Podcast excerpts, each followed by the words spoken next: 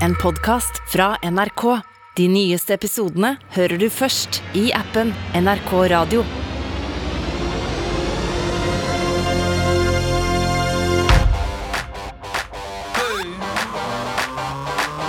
Popkorn og politikk. Med Sean Henrik Matheson og Torkil Risan. I gamle dager, det vil si tidlig på, på 90-tallet, da gikk jeg på jobb i dress med store skulderputer, vide bukser og brede slips med fargerike mønstre. Veldig fargerike mønstre. Jeg jobba i shippingbransjen. Ja da, jeg var bare i begynnelsen av 20-åra, men jeg hadde ikke peiling på hva jeg skulle gjøre da jeg ble stor, og jeg fikk jobb i et rederi der fattern var sjef. Nepotisme, sa du? Nei da, det var ingen av de andre som jobba der som, som tenkte på det. Nei da, ikke i det hele tatt! Aldri! Uh, uansett, uh, her er det jeg som bestemmer, som fattern pleide å si mens han uh, sigga intenst inne på kontoret sitt. jeg hadde ett år med studier fra London i ryggen. Nå skulle jeg gå i læra i dette rederiet, som, som, eide båter som frakta olje, og der fattern bestemte. og etter et år der jeg stort sett førte daglige skipsposisjoner inn i en logg for hånd med blyant, sa jeg gamle dager, så skulle jeg få prøve meg som befrakter. Befrakter er de som eier båtene, og som sørger for at de har frakt å frakte. Er du klar, gutten min? Jeg mener ansatt Sean Henrik Matheson, sa fattern mens han fyrte opp enda en ny sigg. Fint, nå skal du ta deg av denne båten. Denne båten hadde akkurat lossa 140 000 tonn olje i Texas i USA. Snart skulle rederiet fortelle alle verdens skipsmeglere at båten var klar for nytt oppdrag. Og Megleren det er mellommannen som ringer og sier at de har en kunde med olje, nå trenger de båt. Og når beskjeden gikk ut om en ledig båt på markedet, da eksploderte telefonene. Sånn som på, på filmer som handler om aksjemeglere som har én telefon i hvert øre, to som ringer på pulten mens de roper og skriker. Jeg kjente at uh, magen hadde lyst til å vrenge seg, jeg ble kvalm, kaldsvetten rant, jeg hadde skrevet med blyant i et år, og hadde samtidig ærlig talt kjent lenge på at uh, shippingbransjen ikke var helt min greie. Er du klar, gutten min? Jeg mener, ansatt Matheson? Ah, fuck it! Her er det jeg som bestemmer. Boom! Så begynte telefonen å ringe. Det blinka i 10-15-20 linjer samtidig.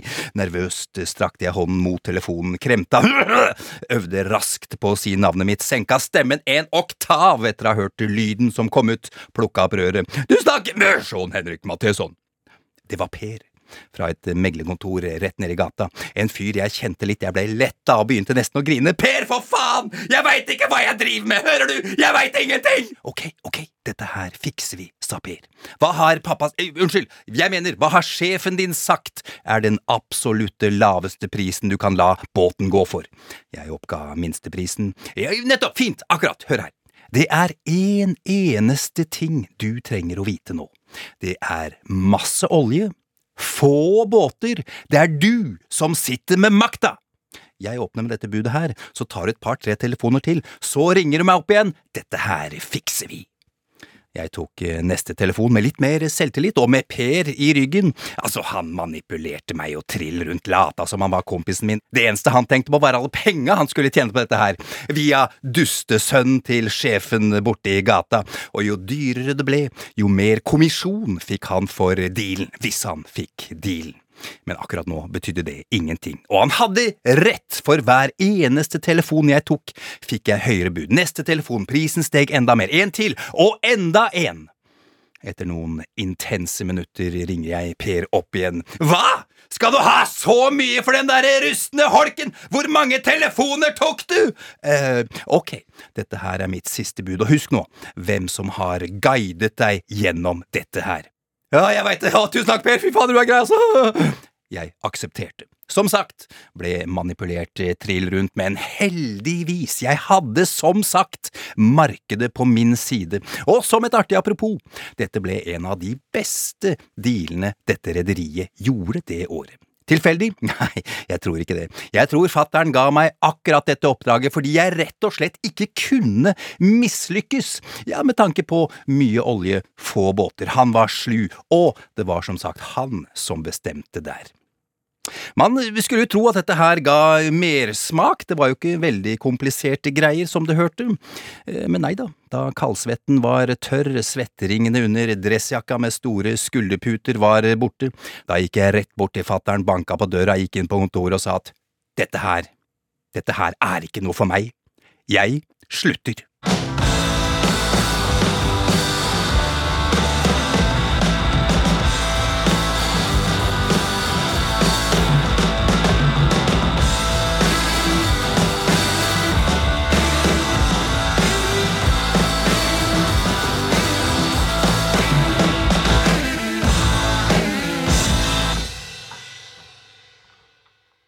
Åh, jeg har bare så vidt pirka borti overflaten på hva du har opplevd i livet ditt, Sean. Det drysser alltid noe interessant puss av når jeg skraper litt borti det.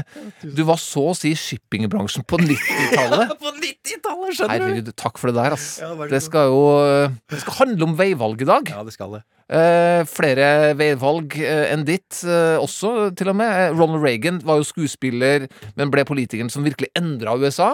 Ja, det er helt riktig, Torkil. Altså, før, før Reagan så, så kan man veldig sånn lett si at, at USA ligna mer på Europa. Det var en sterkere middelklasse, det var fagforeninger som var sterke. Alt dette brøt jo Ronald Reagan ned. Eh, og, og altså Thatcher og hele den gjengen der, og, og endra USA veldig. Det er helt riktig. Ja, Så hans veivalg ble eh, fra skuespiller til politiker. Ja. Donald Trump, for eksempel. Nok, nok et uh, veivalg. uh, som var kjendis, businessfyr, reality-programleder. Ble jo politikeren som ble symbolet eh, Midtpunktet for en kulturkrig, Ja. som vi ennå ikke har sett slutten av. Eh, Og det som jo kanskje er starten på slutten av demokratiet i USA. Det, det, han har forandra verden med et nytt karrierevalg, det er helt sikkert. Volodymyr Zelenskyj. Ja, ikke minst. Veivalg. Komikeren, skuespilleren eh, som, eh, som jo var superstjerne i Ukraina og, og postsovjetiske land, var, og ble, ja, lagde jo denne TV-serien i, i 2015, Folkets tjener, som jo handler om en lærer som syns at politikere stinker eh, og blir president selv. Det som er artig, er at eh, gjengen rundt Zelenskyj, etter at de lagde den der serien, eh, starta jo sitt eget parti, Folkets tjener. Eh, og etter hvert altså, så lanserte jo Zelenskyj seg som eh, presidentkandidat, og vant. Ja, og nå på forsida av Time som eh, eh, People of the Year, eller Man of the Year. Man of the year. Of the year. Ja, men det, det, er- jo folket, egentlig. Fortjener det. Jeg er helt, nesten litt enig med deg. Ja, ja. Eh, og, og du, da, eh, selvfølgelig, som det naturlig fjerde personen person her. Fader, Du kunne ha vært Altså, du Jeg tenkte jeg hadde fortsatt i det, i det løpet der, eh, Sean. Ikke gått inn på kontoret til um, Unnskyld, pappaen din. Du, kunne, du kunne vært styrtrik og vært en spiller i det store energispillet eh, i verden. Et spill jeg eh, faktisk ikke har lest. Jeg har ikke snudd boksen og lest innsida og lest reglene i det der energispillet. Å, fy fader, det syns jeg var en veldig god beskrivelse. Jeg har egentlig ikke gjort det heller. Litt her og der, men uh, Ja, men altså, fordi Hver gang jeg leser meg opp på utenrikspolitisk tema nå om dagen, så Ja. dukker det opp informasjon om handelsavtaler, gassavtaler, utbygging av rør og sånne ting. Jeg kan ikke for det, men jeg syns det er litt kjedelig. Og jeg hadde jo sikkert ikke kjent deg hvis du var befrakter. Uh, sånn. Nytt ord jeg lærte meg i dag, forresten. ja, ja, vær så god. Men jeg skulle likt å blitt forklart litt av de greiene der. Hvor viktig gass er, for eksempel. Flaut for meg å ikke vite nok om det, og sikkert, sikkert flere som har det sånn som meg også. Ja, men jeg kjenner meg jo selvsagt igjen i det, Torkil. Jeg kan bitte litt her, leser overskrifter, og ikke at det er kjedelig, men jeg syns det er litt eh, Jo, kanskje litt kjedelig. Jeg, jeg, bare gir opp litt. Rann. Eh, Høye strømpriser, alt det der. Nå er det jo eh, mørkt for Tyskland og EU, da, etter at Russland kutta all Og i hvert fall Akkurat det der, ja.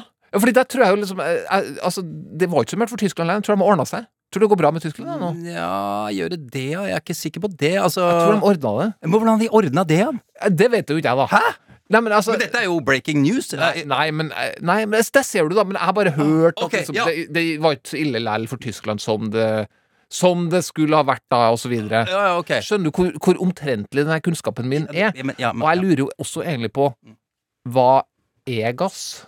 Skjønner du hva jeg mener? Sånn, hva er det egentlig ja, ja, ja! Er det dumt å si, sikkert. Nei, det er ikke Jo, Ja, men- fordi jeg, men- jeg vet ikke helt hva vi snakker om, da. Nei, nei, jeg så, skjønner, jeg kan ikke se det for meg som en ting.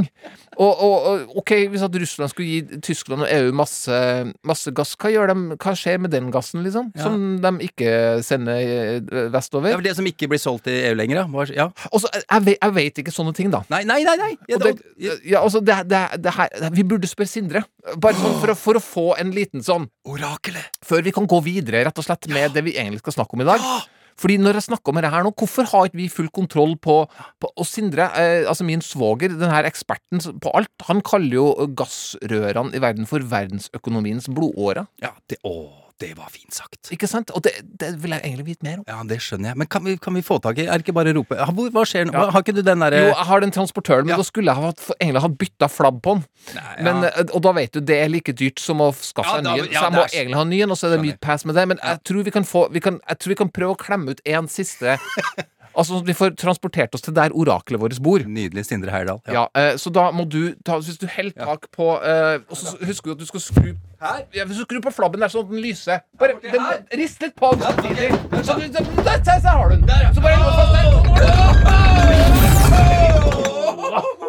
Å, den er helt vill! Hei, Sindre! Hallo. Skjønn, husk Ja. ja. Og lydknappen. det var lyden! Selvfølgelig. Vent litt. Der. Er. Ah, Ja, er der var vi. Ah, Sindre, godt å ha deg her. Godt å være tilbake. Vårt orakel. Du, eh, Vi satt og prata litt om eh, eh, Tyskland. Mange var jo usikre på hva Tyskland skulle gjøre da Russland stoppa alle gassleveranser. Viste seg at Tyskland klarer seg OK i EU foreløpig. Men gass er jo politikk, selvfølgelig. Og hva gjør Russland da med all den gassen som de hadde tenkt å sende til Europa? Hva skjer? Ja, de brenner jo mye rett opp i atmosfæren. Kan tenke deg hvor bra det er for eh, klimautslippene i verden. Eh, Like ved, ja, ja, like ved Vyborg der i, i Russland. Et fint, gammelt uh, finsk område som nå er russisk. Så, så brennes mye av. Og så prøver også russerne da å sende mest mulig av gassen sin via andre veier. De har jo også andre veier fortsatt inn i EU. Blant annet via Ukraina, av alle sosiale ting, paradoksalt nok. Eh, så en, eh, ja, i hvert fall en sånn syv-åtte 8 av eh, e EUs eh, energibehov kommer fortsatt gjennom eh, russiske gassrørledninger, men det er mye mindre enn før. Og russerne sliter med å bli kvitt all gassen sin nå. Men de kan ikke bare lagre det, for det å brenne det er jo som å brenne penger, det da, Sindre? Ja, og du kan jo få et forferdelig trykk også i disse rørledningene, hvis ja. du på en måte ikke blir kvitt det. Så til tider må de også da bare brenne opp gass. Så, så det, det, gassen Altså, ok, bare sånn Her er verdens dummeste spørsmål. Hva er gass? Eller hva slags Jeg måtte bare spørre om det! Jeg elsker at du Men hva, gass, liksom? Hva, hva, hva snakker vi egentlig om her nå? Vi snakker jo om eh, hydrokarboner, som er veldig potente, og som eh, varmer opp eh, veldig eh, mange hjem, blant annet, i eh, verden. Som også da selvfølgelig, fordi det er eh, fossil energi, eh, gir skadelige skadelig klimagassutslipp, men tross alt eh, er renere, om du kan bruke det ordet. Eh, mye renere enn kull, og renere også enn eh, olje. Så det regnes som en slags eh, overgangsenergi også, som kommer til å være med oss lenger enn både kull og olje. Ja, men altså eh, Ok, men, men det her gassen, da, den har de liksom lagt i noe rør? Ligger den og skvulper? Er det flytende gass, eller er det Altså, og så var det egentlig Det liksom klar, ligger klart i et rør, ser jeg for meg. Og så skal vi så bare trykke play, og så sender vi det til EU. Men så bare Vent, stopp. Nei, det er ikke greit. Eh, så, så ligger den fortsatt og liksom skvulper i noe rør, den der gassen som de skal sende andre steder, eller hvor er den? Ofte gjør den det, eller så må den da sendes tilbake tilbake. Dette er jo komplisert, men, men eh, kjernen her er at rør er så flott for gass, fordi det er den mest effektive måten å få sendt den eh, rundt på. Eh, uhyre mye mer effektivt enn å få den på svære gasslastebiler, og også mye mer effektivt enn å laste den om på skip. Da kaller vi det eh, på populært norsk LNG, altså flytende naturgass. Men da må vi kjøle det ned, og det krever mye mer ressurser enn å bare få det gjennom disse deilige rørene, sånn at du kan gå rett fra eh, avsender til eh, mottaker. Men hvor, hvor går denne gassen? Hvis at de er i rør, da, hvis at de skal sende ikke via LNG på båter rundt omkring, hvor, hvor kan Russland sende denne gassen som de sitter med, som de ikke brenner opp i Wiborg? Ja, de kan eh, sende den eh, mange steder i verden. De har eh, gassrørledninger til Kina, verdens fabrikk. De har gassrørledninger sørover, og de har gassrørledninger også vestover via bl.a. Ukraina og, også ned til Tyrkia. Så de har mange veier for den. De kan også da sende den til havner også eh, få lastet den om på, på skip da, som flytende naturgass. Problemet er at eh, det er jo begrenset eh, hvor mye de får unna så langt.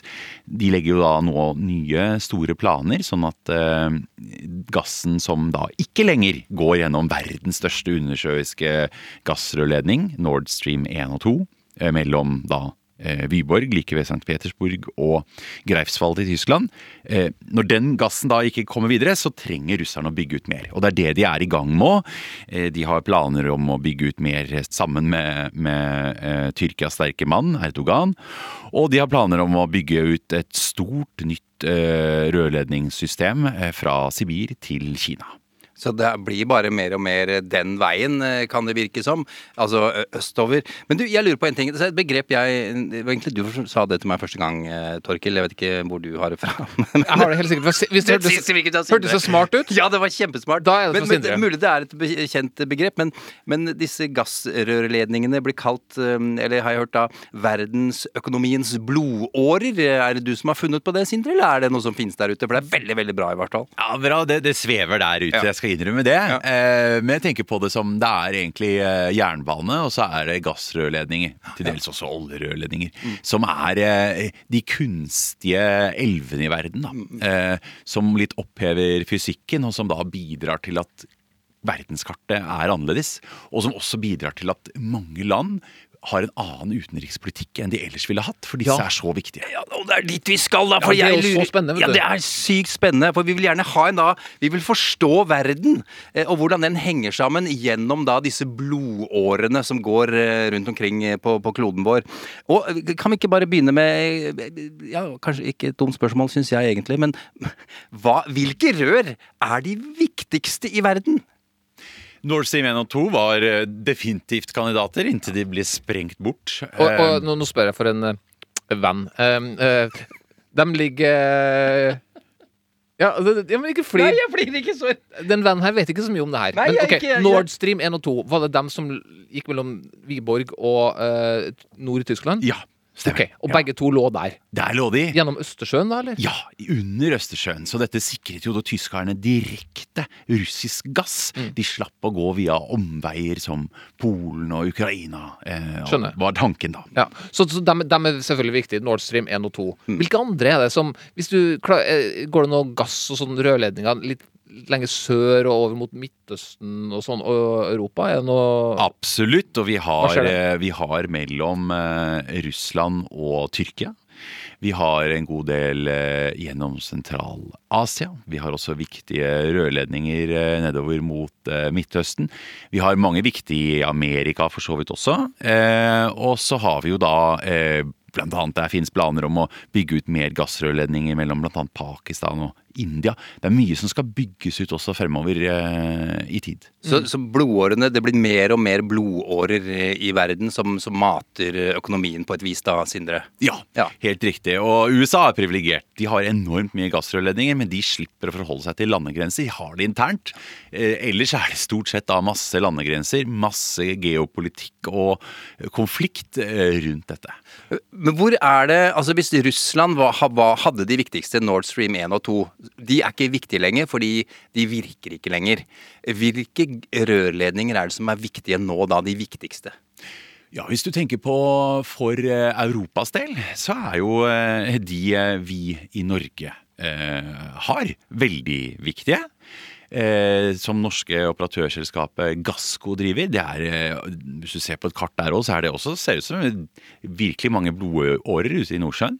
Som da forsyner eh, både kontinentet, Nederland, Tyskland og eh, også land som Storbritannia og også nå til og med eh, Polen med direkte norsk eh, gass Det er en veldig viktig en. Og så har vi jo en del fra Nord-Afrika, eh, som også forsyner særlig Sør-Europa med gass. Og som bidrar til at Sør-Europa også ikke har fullt så stor energikrise som eh, Midt- og Nord-Europa. Fordi, fordi det er varmere også, er ikke det litt med det å si også? De trenger ikke så mye gass for å varme opp eh, hus og, og hjem, Sindre, eller? Det er- Ja, helt riktig. Ja, Der, der er jo snarere ofte behovet aircondition, faktisk. ja, ikke sant. Ja, ja, ja. Men eh, hvis at vi tenker på Vi trenger kanskje i EU da, og i Europa trenger kanskje da andre Hvis at Nord Stream 1 og 2 ikke uh, er så aktiv lenger, så er jo sikkert arbeidet i gang. Ok, vi trenger nye rørsystem som kan sende eh, energien hit. Eh, og hvor, skal det komme fra? Eller eh, skal det bygges nye ting, og hvor eventuelt hvor i verden bygges dem? Ja, eh, for Europas del så er jo problemet at det er ikke så veldig mye mer å hente, fordi det meste av forsyningene kommer jo fra Russland. Nå har jo da Norge erstattet eh, Russland som Europas viktigste gassleverandør. Men eh, det kommer en del via Tyrkia, og planen til Erdogan av Tyrkia og Putin av Russland, det er jo å gjøre Tyrkia til en skikkelig såkalt gasshub. Et slags nytt Tyskland som får mye direkte gass fra Russland, som eh, Tyrkia da kan begynne å forsyne resten av eh, eh, Europa med. Og da kan jo også Tyrkias betydning, strategisk betydning, bare øke, ikke sant? For da kan jo gass også bli et våpen mot både Nato-allierte og EU. Men det at russen Det at gassen Russen går gjennom Tyrkia. Det at gassen går gjennom Tyrkia for så å leveres ut i Europa, den kommer jo likevel fra Russland. Hva, vel, hva betyr det, liksom? Da er det jo russisk gass uansett, da. Ja, og, og, og man kan jo lure på timingen her, som mange har undret seg over også når eh, Erdogan og Putin møttes her i oktober og snakket om dette, denne, denne svære planen om å gjøre Tyrkia til en sånn enorm eh, gasshub. Fordi eh, det er jo fortsatt sånn at alt later til å bli at Europa mer og mer vil vende seg vekk fra Russland. Ukraina-krigen pågår fortsatt, og selv om den skulle ta en slutt, så lenge vi har et slags, Putin-regime eh, ved makten i Kreml, så er det jo lite trolig at Europa vil være så tørste etter eh, russisk gass, selv om de egentlig trenger den. Så, så man kan lure veldig på timingen her. Eh, for Putins del så viser, viser nok dette også at han er litt desperat. Han har mye gass han trenger å bli kvitt. Og Erdogan han liker jo å ha en finger med i ethvert spill, så jeg tror han syns det er fristende å, å, å være litt med og spille litt på, på lag her. eh, Nord-Amerika sitter på mye gass, sier du, Sindre. Hvorfor, hvorfor eh, Og vi har jo et godt eh, sånn utenrikspolitisk samarbeid med Nord- Nord-Amerika. Hvorfor har vi ikke eh, noe rør mellom Europa og Nord-Amerika? Ja, Det er et veldig godt spørsmål. Problemet er at det blir for langt. Altså Nord Stream eh, 1 og 2 var jo de lengste i verden. Og avstanden over Atlanteren blir så katastrofalt lang at da, det ville man slitt med. Jeg vet ikke om det er eh, ingeniørmessig mulig, det, men, men eh, det er ikke realistisk. Og så har vi jo da alternativet, som er flytende naturgass på skip. Og USA, med sitt eh, store reservoar av gass, spiller jo nå en mye viktigere rolle for Europa. Disse flytende LNG-skipene går i økende eh, kvantum til Europa nå. Og Europa prøver da å bygge ut kraftig sånne såkalte LNG-mottak, altså havner som tåler å ta imot disse flytende naturgasskipene. Tyskland annet har, har eh, luftige og konkrete planer eh, der. Men eh, Europa må alltid konkurrere mot særlig Kina og Sør-Korea om å få disse viktige LNG-skipene fra USA, og da er det jo den som tilbyr mest, som eh, stort sett får eh, skipene. Så da må Europa være villig til å bla opp eh, saftige summer. Ja, nemlig. Jeg også mener jeg har lest at eh, det kan eh, være mulig å få gass fra Kasakhstan. eh, Usbekistan, stemmer det? Turkmenistan. eh, som, som en mulig løsning for å få gass fra andre steder enn enn Russland. Også Afrika.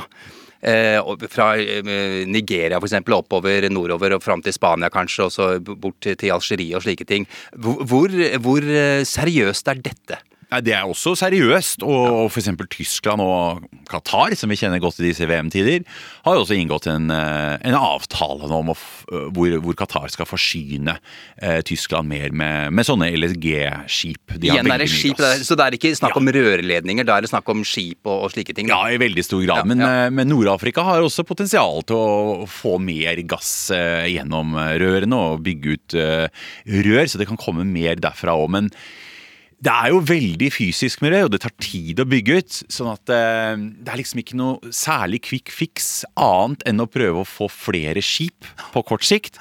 Og selvfølgelig så må jo Europa bygge opp fornybart.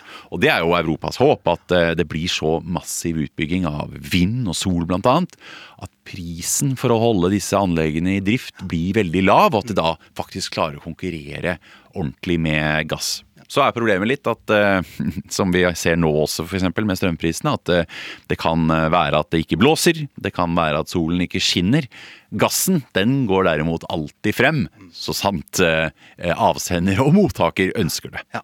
Eh, Har Norge Jeg vet at nå er det vel Norge, som du nevnte, Sindre, eh, sammen med USA. Jeg mener Algerie også har blitt en leverandør av gass til Europa. Ja, har vært det i lang Ja, tid. har vært i lang tid, Mm. men at de nå selvfølgelig har eh, uppa gamet sitt og leverer mer.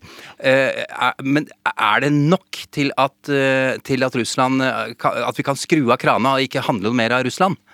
Det er egentlig ikke nok, og nå ser jo det ut som vi får en veldig dyr eh, strømvinter. Eh, Men eh, rasjonering er jo sannsynligvis ikke aktuelt før tidligst april. Det hjalp at det var mildvær lenge, så har Europa bygget opp gasslagrene sine. De er smekkfulle nå. Og det bidrar da til at problemet i hvert fall er utsatt. Men ser vi inn i neste vinter, vinteren 23-24, så er det da veldig sannsynlig at Europa ikke ikke får fylt opp lagrene gjennom våren og sommeren som de har pleid å gjøre, og at vi da går inn i neste høst med lave lagre, og at vi får en krisevinter i Europa med ekstremt høye priser, hvor eh, 15 kroner eh, per kilowattime slett ikke er uaktuelt, for å si det eh, sånn. Mm.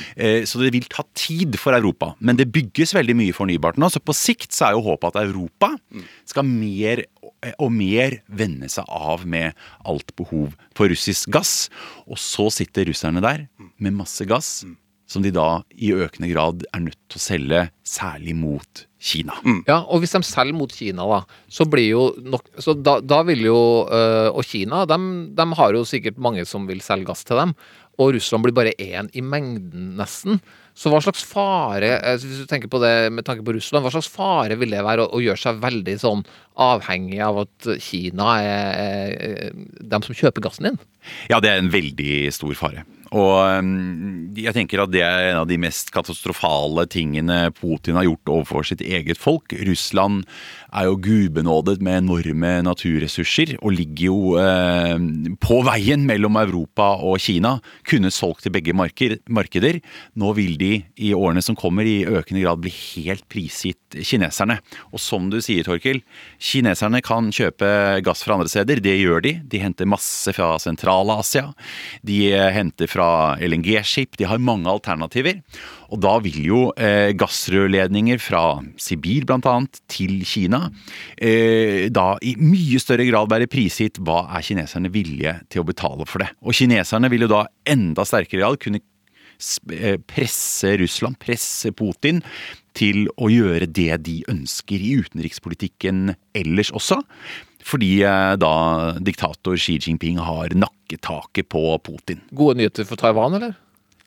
Ja, det, det kan du lure på. Det er, meg. Taiwan ligger veldig utsatt til, ja. Men, men er det sånn at, at, at Russland da eh, For de har øket sin eksport av gass til Kina. Er, er Kina greie, da, som tar imot mer gass bare sånn for å holde dem eh, blide, eller trenger de den gassen de får nå ekstra? Kina ser jo at dette er jo en eh, ypperlig anledning til å få enda flere forsyninger, og da kunne presse ned prisen. Og rørledninger er jo så stedbundne, Så når eh, russerne, som nå skal bygge ut og erstatte da veldig mye av den eh, gassen som gikk til Tyskland, med at den går til eh, Kina, så blir de veldig avhengige av Kina. De blir mer og mer en vasallstat. Ja, ja. Totalt underlagt Kina. Ja. Du, en, et område vi har vært lite innom nå, du var så vidt innom det i sted, Sindre, det er Midtøsten. Hva slags rørledninger er det der, og hvilken betydning har det for, for oss i Europa, Sindre? Ja, fra Midtøsten går det jo veldig mye LNG-transport, da. Eh, så det er jo en veldig hub for det. Og det, de, den transporten går både mot Kina og eh, Europa. Men de har jo også et eh, rørledningssystem, og det er mange land med enorme gassreserver eh, også der. Så, så de bidrar jo eh, så definitivt. Eh, og også de er en del av da spillet Russland ser på, og hvor de også kan bli kvitt gassen. Annet via havner der nede. Ja. Til, til, til Syria, eh, som jo er gode venner av Russland, så vidt jeg veit, og slike steder. Ja, ja, ja, ja, ikke sant? Og Ja. havner der, blant Ja, annet. ja, ja. Hvorfor er Syria og Russland så gode venner, forresten, når det først er her, Sindre? Ja, det er vel eh, mye at eh, det ligger faktisk lange historiske bånd der. Eh, tette koblinger mellom Hviterussland, Russland og Syria, faktisk. Sånn historisk òg. Mye utveksling av forskningssamarbeid og sånn. Og så er jo eh, behagelig da med diktatorer i begge endene. Da snakker man gjerne samme språk. Da deler man verdier, som det heter. Ja, ja. Og så er det vel store russiske investeringer der. De har vel en militær havn og sånn, så det sier seg vel kanskje sjæl, egentlig, når jeg, når jeg tenker meg om en gang til her. Ja, og så er det jo, eh, har- blir det jo også til dels et eh, maktvakuum når USA er så støttende til eh, Israel. Så er det da lettere for ja. Russland å spille på lag med, med Syria, åpenbart. Som jo definitivt har en torn i siden til Israel. Men Sindre, eh, Norge har da blitt eh, Europas eh, største leverandør av eh, naturgass. Dette snakka vi om for noen, da du var her på besøk, og da hadde vi jo oppe temaet Er Norge i ferd med å bli avslørt Ja. som en grådig, grisk møkkanasjon? Eh, krigsprofitører og sånne type ting. Hva, har det skjedd noe mer med ryktet vårt, forresten? Hva, hva kan du si om det, Sindre, sånn kjapt? Ja, det var jo mye som skjedde også i dagene etter at vi pratet om det, dere. Hvor Economist og flere eh, ledere i Europa gikk ut med lignende kritikk. Så det vi forventet oss, det kom, altså. Ja. Eh, og det ligger der latent hele tiden. Ja. Og så tror jeg en del EU-ledere går litt på tå hev fordi siden vi er blitt så viktige, så tør de ikke å kritisere oss like klart og tydelig som de egentlig ønsker. Fordi vi også da er nøkkelleverandør. Men det har jo også skjedd noe eh, etter da denne sprengningen av Nord Stream. For det har jo gjort det enda mer åpenbart for Europa at de er helt avhengig av norsk gass. Så nå har jo også mange Nato-land, EU-land, eh, sendt fregatter og lignende opp for å bidra til å overvåke disse blodårene fra norsk sokkel og ned til eh, Europa. Undervannsbåter, alt mulig tas i bruk for å prøve å hindre at det eventuelt da oppstår sabotasje der også, for det ville jo vært katastrofalt for Europa denne energivinteren. Men, men Sindre, er eh, Ja, de, de, går litt forsiktig i gangene, sier du, Sindre. Resten av Europa med tanke på oss eh, i, i Norge. Men er, er Norge en sånn type nasjon eh, som, som utnytter det på noen som helst måte, tror du? Altså Kan vi liksom være som alle andre? Ja, men da må dere være greie mot oss hvis vi skal passe altså, er- Holder vi på sånn? Vi er jo eh, veldig opptatt av å være stabile og forutsigbare, da. Eh, og eh, statsminister Støre om noe bruker kanskje eh, vel mye tid i Europa. Eh, han prøver å selge inn dette budskapet overalt. Eh, og så ser ikke norske velgere like mye til han. Men det er nok en viktig jobb han gjør. Og så handler det jo da om hvordan vi eventuelt også kan øke forsyningene våre enda mer. Det vil jo gjerne europeerne. Eh, og det er mulig å skru litt på ventiler. Vi ser hvordan Equinor stadig har økt andelen gass de klarer å selge. Til eventyrlige priser, riktignok, Ja. men, men det er jo viktig for Europa samtidig. Ja. Eh, og det er fortsatt gass som ikke er hentet opp. Eh, så, så, så her kan det bli ganske langsiktig spill. Og gass kan også da overleve som en eh, eh, energikilde lenger enn eh, olje og kull, tror jeg. Fordi det har lavere CO2-utslipp. Så, så, så vi er vi tjente, Hva var det vi tjente? Var det flere milliarder ekstra hver eneste dag eh, en periode? Og det gjør vi stadig vekk? Det gjør vi. Det er Ja. helt elleville summer. Altså, det, er, eh, det er så mye. Det er mange tusen milliarder vi tjente til sammen i fjor, i år og vil tjene Ja. neste år på Ja. dette. Men, men, du sa det inne på det. Vi har, Norge har kapasitet til- å skru opp volumet litt og, og sende enda mer. For nå lurer på om vi ligger på 20 par og 20 prosent av Europas eh, behov. Det, hvor mye kan vi gi dem, eh, tror du, Sindre?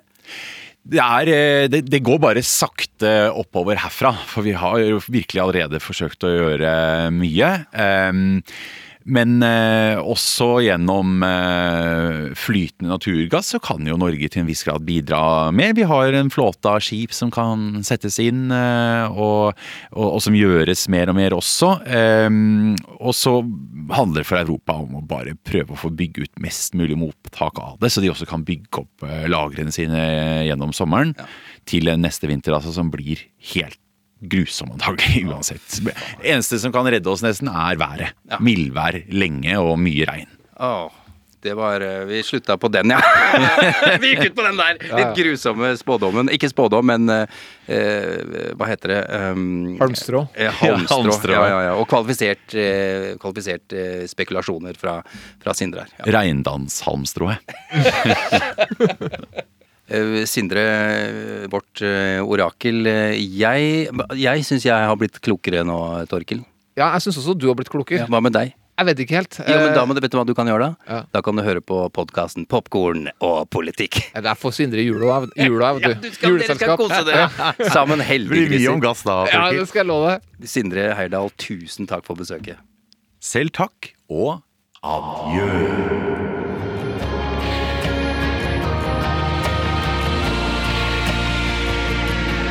My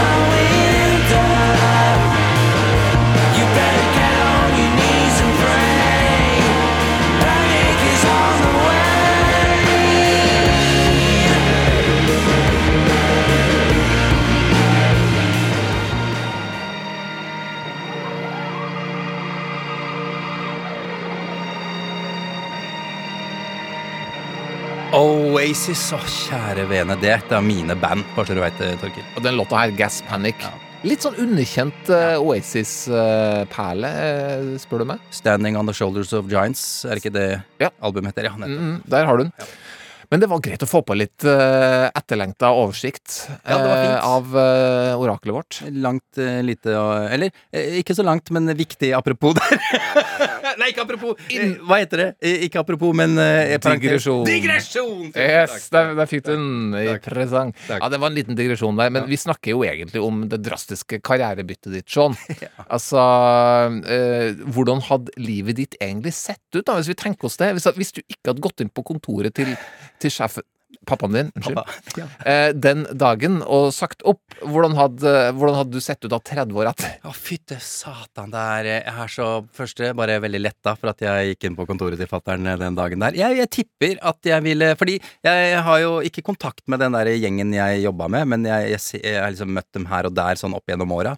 Og de er for det første rike. de er Ja. veldig rike, tjent veldig mye penger. Ja. Eh, de er også utslitte. Ja. Eh, mange av dem er alkoholiserte. Mm -hmm. eh, sannsynligvis eh, lettere narkomane. Jeg vet Ja. ikke om de er bitre, men de er liksom på fjerde kona. Ja, ja. Eh, de har sikkert hatt eh, 40 au pairer opp gjennom åra. Mhm. Eh, de kjører Range Rover, Porsche, eh, Ja. selvfølgelig. Ja. Men er litt pløsete. Ser sliten ut, liksom. Altså, Det Jeg har jo lyst til å eh, Altså, du, du er jo ikke ulik Jon Øigarden sånn i utgangspunktet, Sean Henrik Matheson. Altså, Google litt, folkens. Eh, Jeg tenker Jeppe, Exit, du vet TV-serien. Ja, ja, ja, ja. Du snakker jo for eksempel da eh, til meg mye om hvor uggen du føler deg når du ikke har fått trent. Ja, det er ikke riktig. fått terpa teknikk, som du sier. Altså Du er veldig opptatt av teknikk når du kommer til å løfte ting. Det er det viktigste. Hør Øygarden i TV-serien Exit her, da. Jeg får ikke helt uh... Ja, jeg får liksom ikke trent kickboksing, og da blir jeg liksom ikke helt i Da, da blir jeg helt urolig. Men jeg skal faen meg drikke, og så skal jeg kose meg, og jeg skal ruse meg. Jeg har ikke tenkt på at jeg ligner på Jeppe. Hvor Jeppe er du? Nei, jeg veit ikke. Kanskje litt, grann, da, i hvert fall med tanke på det der med, med å trene, for der er jeg litt manisk. Ja. Litt opptatt av det. Men ja, jeg, altså, fader heller, det skulle ikke forundre meg om jeg hadde endt opp som de Altså, de, Exit er jo tross alt Exit, eh, en Ja, TV-serie, men jo ikke- basert på samtaler, jeg veit alt det der, eh, med ekte mennesker, men nei, jeg håper ikke La oss ta en liten sjekk, da. Ja. Eh, Jon Øigarden, eller Jeppe, da, Ja. er 51 år. Hvor eh, gammel er du? 51 år. Familien din er A. Fattig eller B. Velstående? Ja, jeg må vel si velstående. Sh- Shipping, hallo. Ja. Løst ukomplisert forhold til mor-far gjennom hele oppveksten, eller? Oh, nei, det er, der er det vanskelig. Samme som Jeppe. Samme som Jeppe. Jeg kryssa kolonnen til Jeppe der også. Ja, okay, greit. Du henger mest med A. Folk på egen alder og oppover, eller B. Folk som er yngre enn deg? Ja, men yngre meg, faktisk. Gjør Jeppe det også? Jeppe gjør det. Oh, nei! Er du opptatt av å få trent for å ha balanse i hodet? Ja. Yrke? Journalist. Det er det eneste! Kan du tenke deg, eller? Hvis du ikke hadde gått inn på kontoret der. Å nei! Der har du det. Og det vi snakker om nå, Sean, det er jo det er mange, eller mange vil jo nesten kalle det du gjorde der, som et slags sliding doors-øyeblikk. Ja. ja. Eh, en referanse som funker Du husker filmen Sliding Doors? Selvfølgelig husker jeg det. 1998. Ja. Gwyneth Paltrow skal rekke toget. Eh, ja, altså Den her ekstremt 90-tallsaktige traileren jeg har henta, den, den er så 90-tallsaktig at ja, det, det, det er bare drypp 90-tall av den her traileren. Den dekker det meste. Hør her. Have you ever wondered what might have been? Would things be different if you caught the train instead of missing it? How much would your life change if you were 10 minutes early Hello? instead of 10 minutes late? Helen? If I had just caught that train. I'd been home ages oh, ago. Don't want to go wondering about things like that. Now, Helen's life is about to go down two different tracks. Gwyneth Paltrow and Gwyneth Paltrow in the story of a woman about to choose between a life with a man she's always loved Jerry, I asked a simple question. I mean, There's no need to become Woody Allen. and a life with a man she's just met. I kissed you. yeah, I spotted that too. Intermedia Films and Mirage Enterprises present a romantic comedy about one woman I'm over him. No, you're not. I am.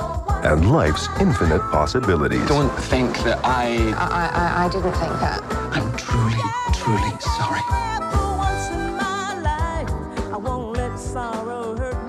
Bare for å ha sagt det, den traileren varer egentlig et minutt til, altså.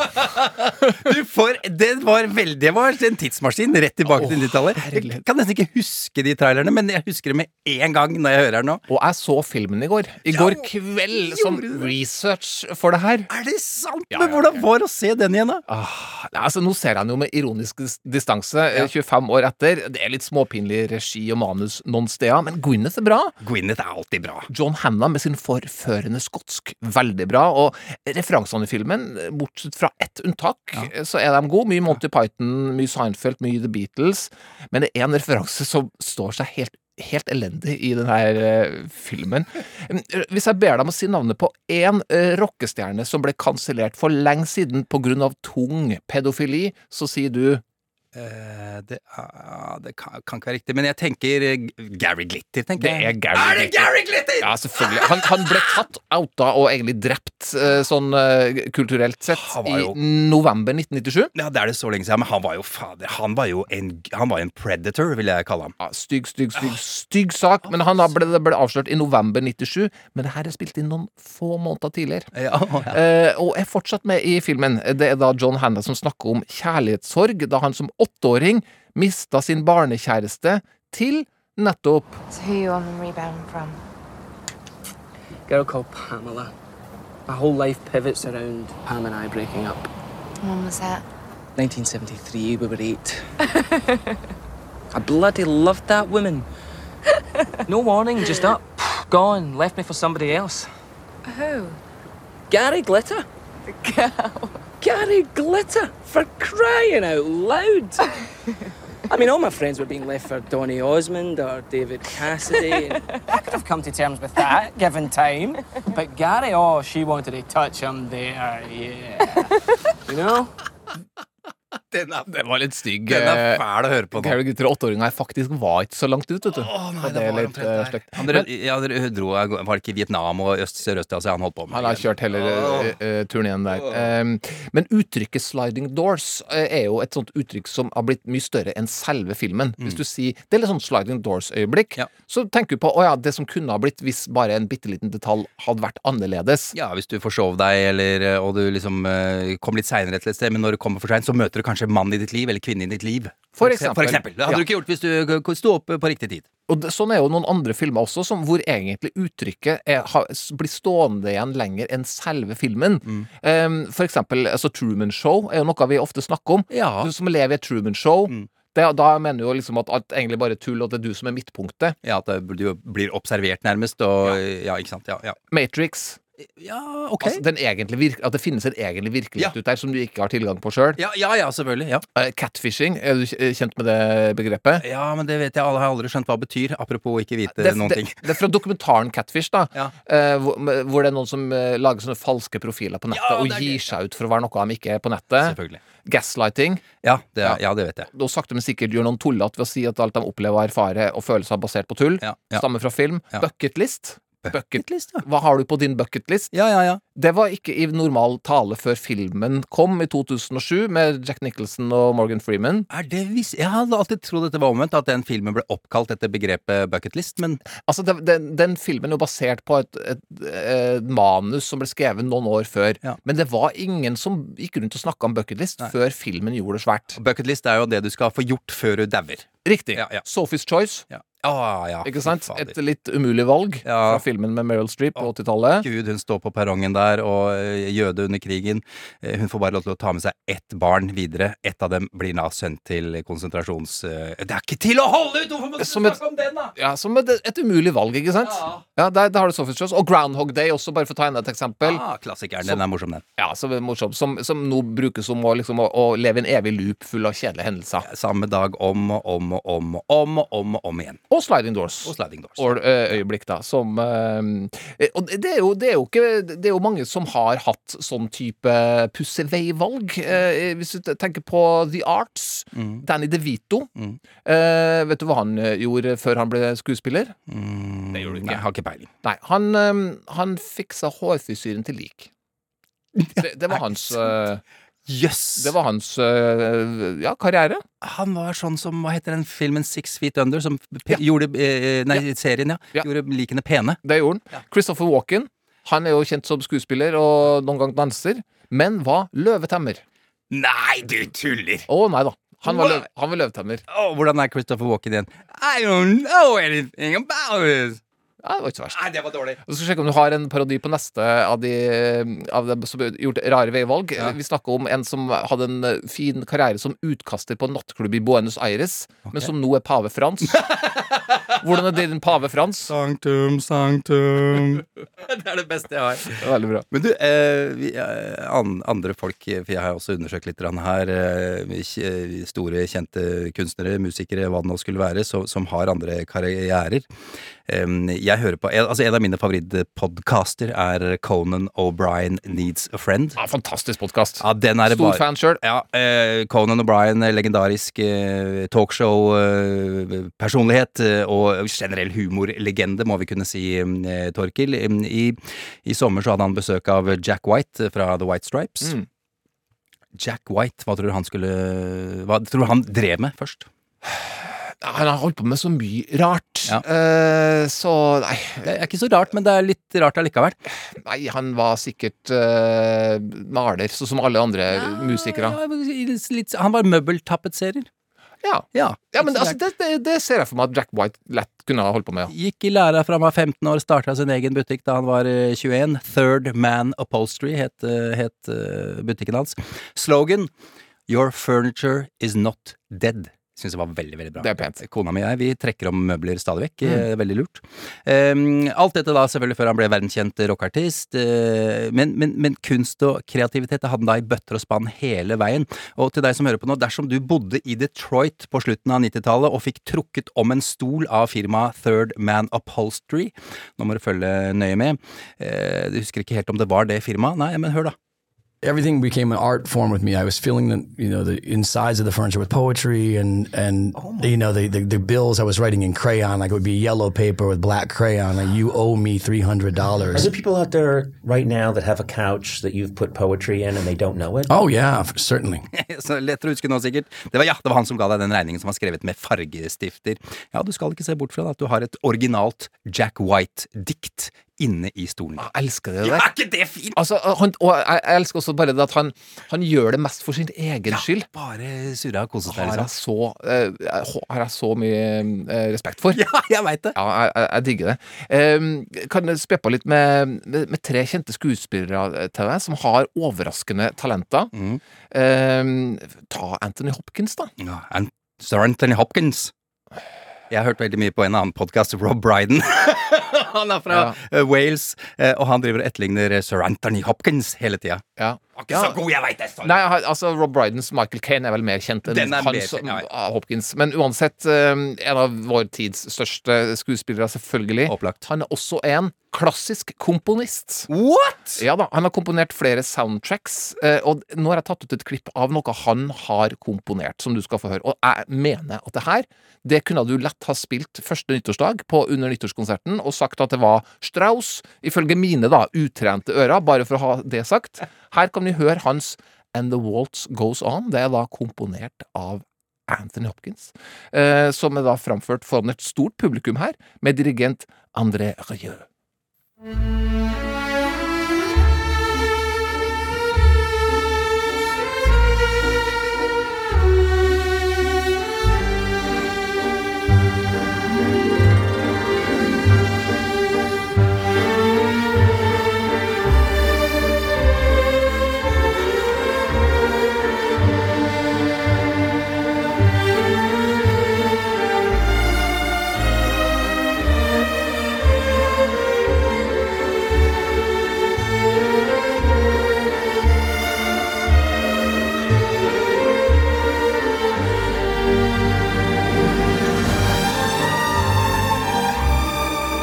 Her kunne lett vært på nyttårskonserten. Det er jo André Røe som er dirigent med det Johan Strauss Orkestra Ja, det er selvfølgelig det. Så eh, Laga i 1964, Wow. den her. Han har skrevet mye, men han er for sjenert, eh, sier han sjøl. For usikker på egne evner. Veldig fint å se. Gå på YouTube og så se han sitte her sammen med kona og se det her bli framført. Ah, Det er et syn. ah, Søren, så rørende og vakkert. Ja, det, det er fint. Eh, Nå skal jeg fortelle litt om en annen fyr som er en av Kanskje den skuespilleren, men det er nesten for lite å kalle en skuespiller, men som jeg er mest fascinert av eh, hans karriere. Han er som en ekte Forrest Gump. Nå snakker jeg om Christopher Lee, Mm. eh, som kanskje folk flest kjenner som Saruman Ja. i Ringenes herre. Altså, Han har vært til stede på så mange historiske hendelser. Eh, For eksempel, han overså den siste offentlige henrettelsen i Paris i 1939. Han var der. Så giljotinen bli brukt for siste gang. Og det var ikke seinere enn 1939. Ikke sant? Det er også sykt. Det er en annen historie, men det var sykt. Det var sykt. Han klatrer opp den kjente vulkanen Vesuv ved Napoli like før vulkanens siste utbrudd i 1944. Veldig Ringenes herreaktig stemning over den vulkanen for øvrig. For en vulkan det var. Ja, det er en vulkan. Han er på cover av Wings-skiva Band on the Run. Alle Der er han selvfølgelig. Han er flytende i engelsk, fransk, italiensk, spansk, tysk, moderat i svensk, russisk og gresk. Ja, han er en sånn type, ja. Ikke bare holdt flere Guinness-rekorder, altså Ja, han har flest sverdkamper i film. Han har høyeste leading man med sin 1,96. El- Eldste videospillstemme og flest filmer, nesten 270. Eh, han ble fortalt av operalegenden Jussi Bjørling at han burde gi opp skuespill og satse på opera. Men han hadde ikke råd til å flytte til Sverige og begynne. Det er sikkert derfor han snakker litt svensk, da. Gitt ut uh, flere heavy metal-skiver mens han var i 80- og 90-årene, uh, men krigshistorien hans er kanskje den mest imponerende. Han verva seg uh, først til å kjempe for finnene mot russerne i vinterkrigen i 1939. Sikkert rett etter den henrettelsen. Nå var det mer action her. Eh, Jobba for de hemmelige tjenestene, sånne ting som er hemmelighetsstempla i 100 år, og som man ikke har lov å snakke om, eh, men som tydeligvis kan hjelpe på når du da spiller inn filmer som Ringenes herre. Fordi da hans eh, figur Saruman skulle stikkes i ryggen med kniv, ja. da kunne Christopher Lee hjelpe til for å få det hele litt mer virkelighetsnært for regissør Peter Jackson. I seem to recall that I did say to Peter, "Uh, Have you any idea of what kind of noise happens when somebody's stabbed in the back? And I said, Well, because I do. oh It's not, it's not. Ah! Like that. It's because the breath's driven out of your body. He seemed to have expert knowledge of exactly the sort of noise that they make, and so I just sort of didn't push the subject any further. I just said, "Well, you obviously know what to do, Christopher, so I'm sure you'll do it great," and he did. Åh, litt, nesten litt uvel her jeg står nå. det var ekkelt. Han har levd det, vet du. Han vet søren. hvordan det høres ut å bli stukket i ryggen. Du mister pusten, du klarer ikke se. Ja, nei, det er hans liv. eh, Det er, det er aldri til å bli trøtt av. Det er spennende. Ja. ta med Joe Pesci òg, da. Klassisk type. Kjent for alt mulig. Mange som ser eh, Joe Pesci nå, i Alene hjemme. You think I'm funny? You think I'm uh, funny now? Do you think I'm funny? Går det bra med det? Jeg vet du hvor det var fra?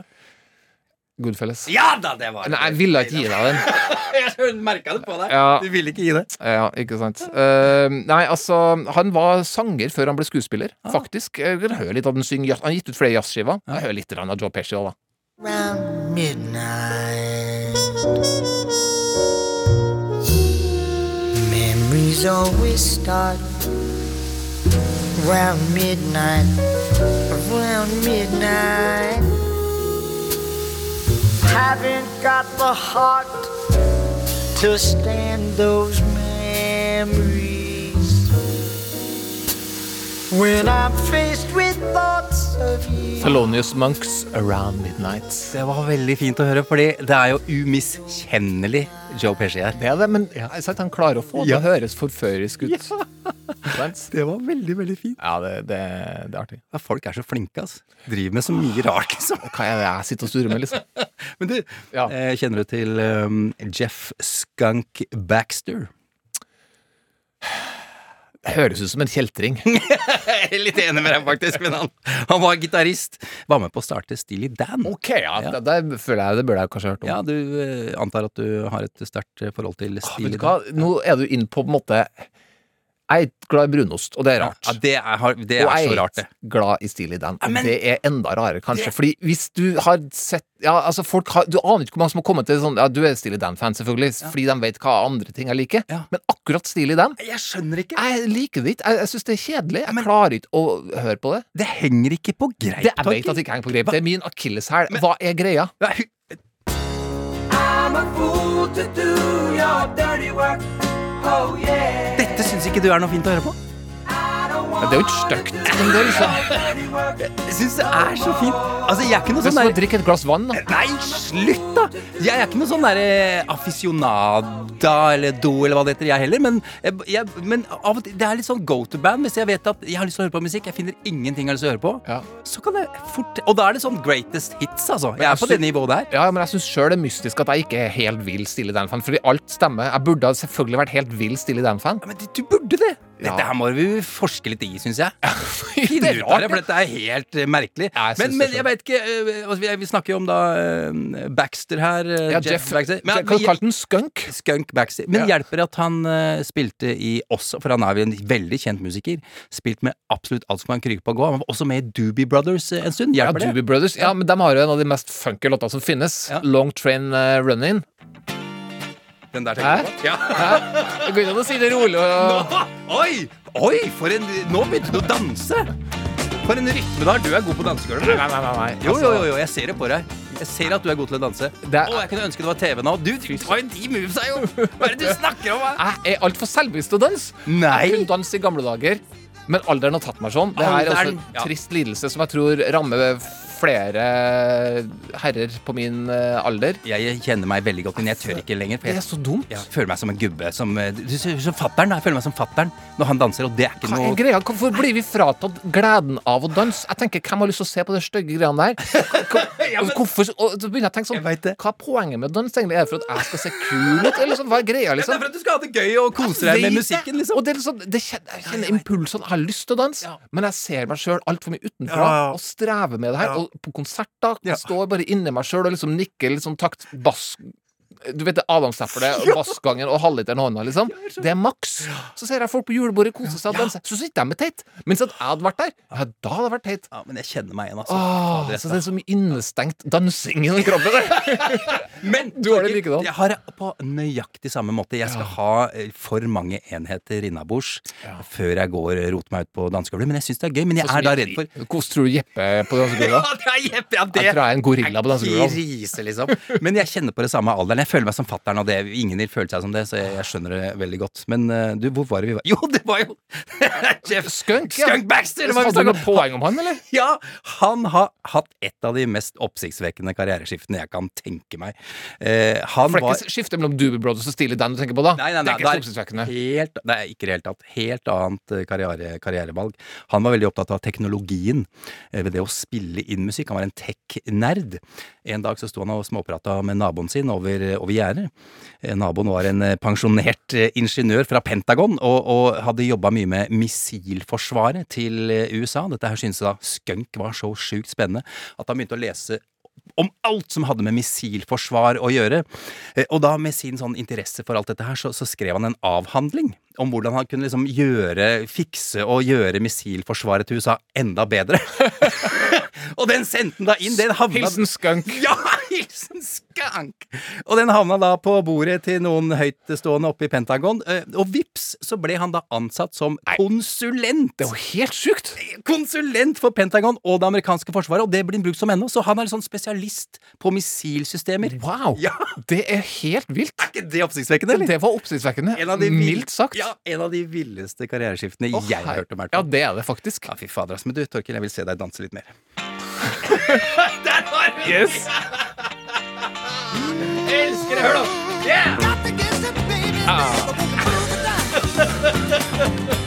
Bra jobba, Torkil. Jeg radio-TV. kan stå i et rom for meg sjøl og danse. Det kan jeg gjøre.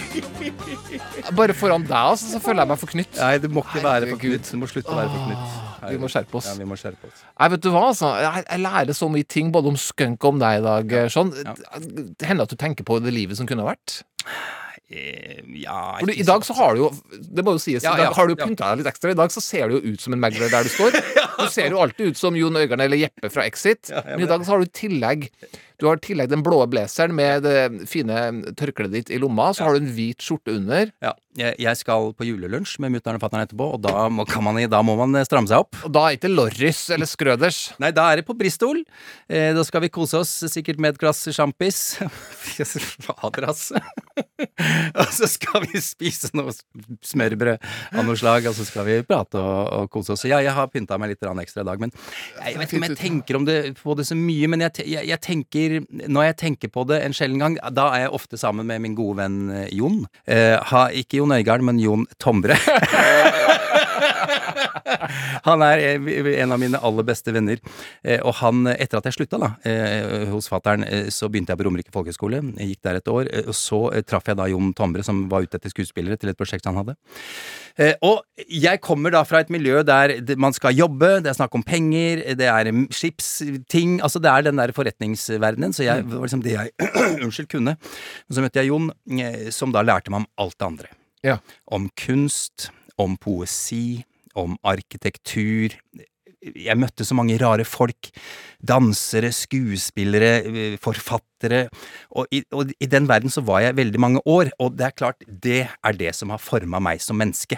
Det er en annen retning, og jeg er dypt og inderlig takknemlig for at jeg havna der. Eh, der andre ting er viktigere enn det materielle, da, for å si det sånn, enn å kjøre rundt i en fuckings Range Rover. Mm. Og så hørte jeg jo at du, du snakka med en kompis i sted på telefonen, og så tok jeg et lite opptak av din, eh, din stemme. Ja, ja, fordi du, det er jo snart jul, og det er åpenbart at du gleder deg, du òg. Jeg skal faen meg drikke, så skal jeg kose meg, og jeg skal ruse meg. God jul. God jul!